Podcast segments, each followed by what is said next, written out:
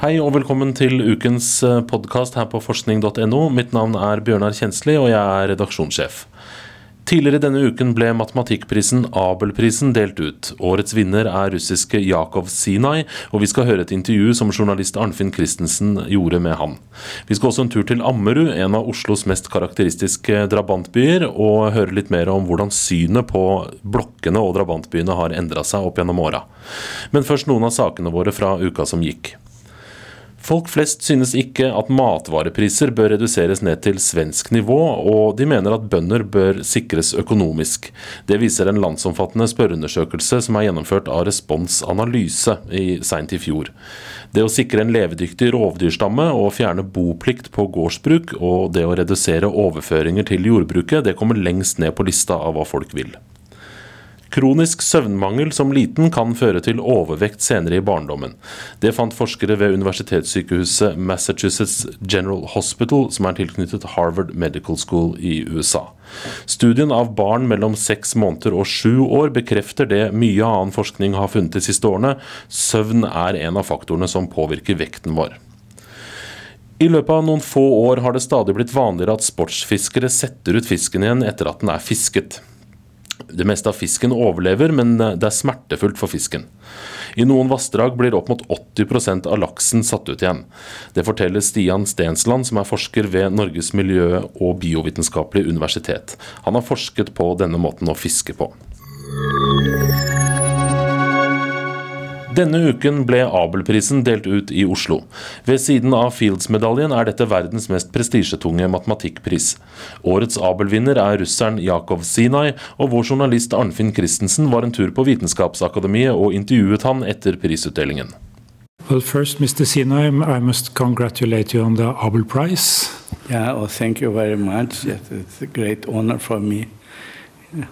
And also, uh, I, want, I, I need as a layman to try to understand what you have achieved, which of course is very difficult, but how would you present it in the simplest way? It is just the theory of the property of instability of dynamics.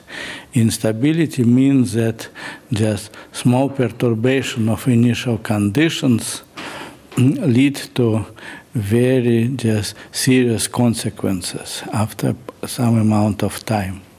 Is this the same as the butterfly effect? Yes, that is the butterfly effect is just a very concrete example of this instability.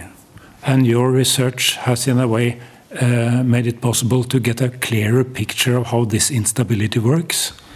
I hope so. Our specific language, like Norwegian, in comparison to Russian, for example, or English, influences the way we think. Do you think that you are a mathematician uh, and mathematics is in a formal language? Has it influenced the way you think in other situations in life?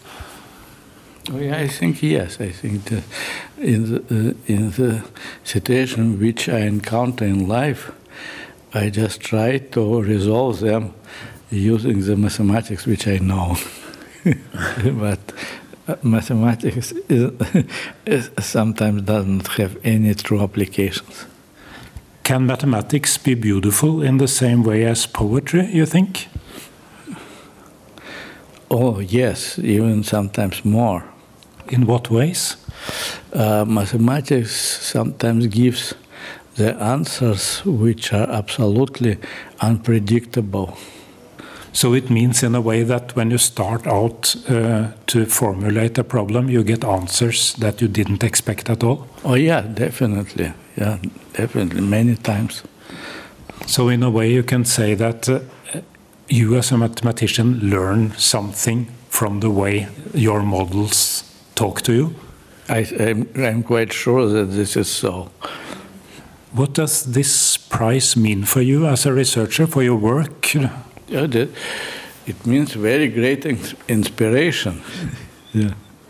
Does it mean that you will have more resources in any way? No, I think I had enough resources in the past. Mm. my uh, my field does not require a lot of money. Just Just a lot of time. A lot of time, a lot of discussion, uh, people. Til slutt i dag skal vi ut i drabantbyen. De karakteristiske blokkene på Ammerud er blant de mest utskjelte i Oslo, men arkitektene hadde store drømmer om framtida da de ble tegnet. Journalist Lasse Bjørnstad, du har vært på Ammerud sammen med forskeren Laura Fallander. Hva er det hun har forsket på? Hun har sett på det som kalles for sosial boligbygging i etterkrigstida i Oslo og i, i Storbritannia. Og sosial boligbygging er ikke, det er ikke sosialboliger, men det er en måte å tenke på. Å bygge, bygge ut uh, mange boliger til vanlige folk. Mm. Som det var stor mangel av i Norge på, på den tida, og spesielt etter krigen. Det er i regi av staten? I regi av staten, mm. uh, blant annet. Da. Det var jo også uh, Obo spilte en stor rolle her. Mm. Og, og um, det, var en, det, var rett og slett en ny måte å tenke byplanlegging på. Mm. Så med at, med at mange mennesker da skulle kunne bo sammen, flytte inn dit sammen, og at miljøene skulle gjøre dem til, til produktive og lykkelige mennesker. Mm. For det var ganske skralle forhold her i Oslo etter krigen? Det var stor boligmangel? Ja, det var stor boligmangel. Spesielt pga. to krakk i 1899 og 1920 så hadde det ikke blitt uh, bygget noen særlige boliger på lang tid i, i Oslo. Det var, det, var en, det var, en, sult etter steder, steder å bo. Mm. Og Særlig da etter krigen, når flere folk flytta inn til byen også. Ja. Mm. Og Hva fant Fallender Fallander når hun eh, så på denne byggingen av sosiale boliger i, i Oslo? Synet på disse sosiale boligbyggingsprosjektene hadde endret seg egentlig ganske drastisk fra slutten av krigen til, til 1985, da, som, hun, eh, som hun så på. Uh, fordi at før, når, når det da begynte, uh, den, disse prosjektene startet opp, så var det veldig sett på som veldig positivt. Det var som sagt Vanlige folk skulle, skulle bo fint og, og, ha vanlige leiligheter. Men etter hvert så viste det seg at det ble, det ble sosiale problemer, og det var, ting gikk ikke helt som planlagt. Mm. T-banen bl.a. ble bygget ut for seint i forhold til mange av disse andre i, i forhold til drabantbyene.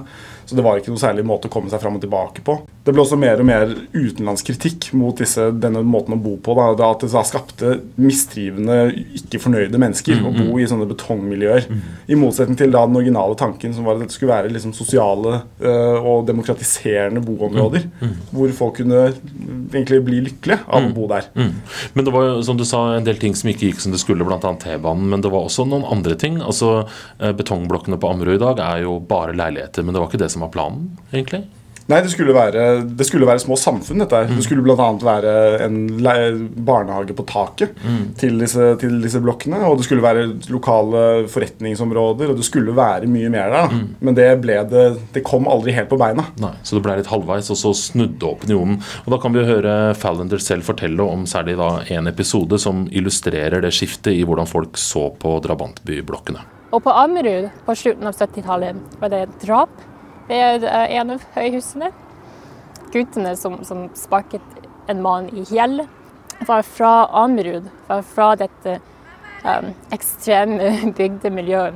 Det ble brukt av forsvarsadvokatene um, for å redusere skylden. Um, det, det, ble sagt at, uh, at de var et produkt av sitt miljø, og derfor var de ikke ansvarlige. Sakene våre om Abelprisvinneren Jakob Sinai og om betongblokkene på Ammerud kan du lese på forskning.no, og vi er tilbake med en ny podkast i neste uke.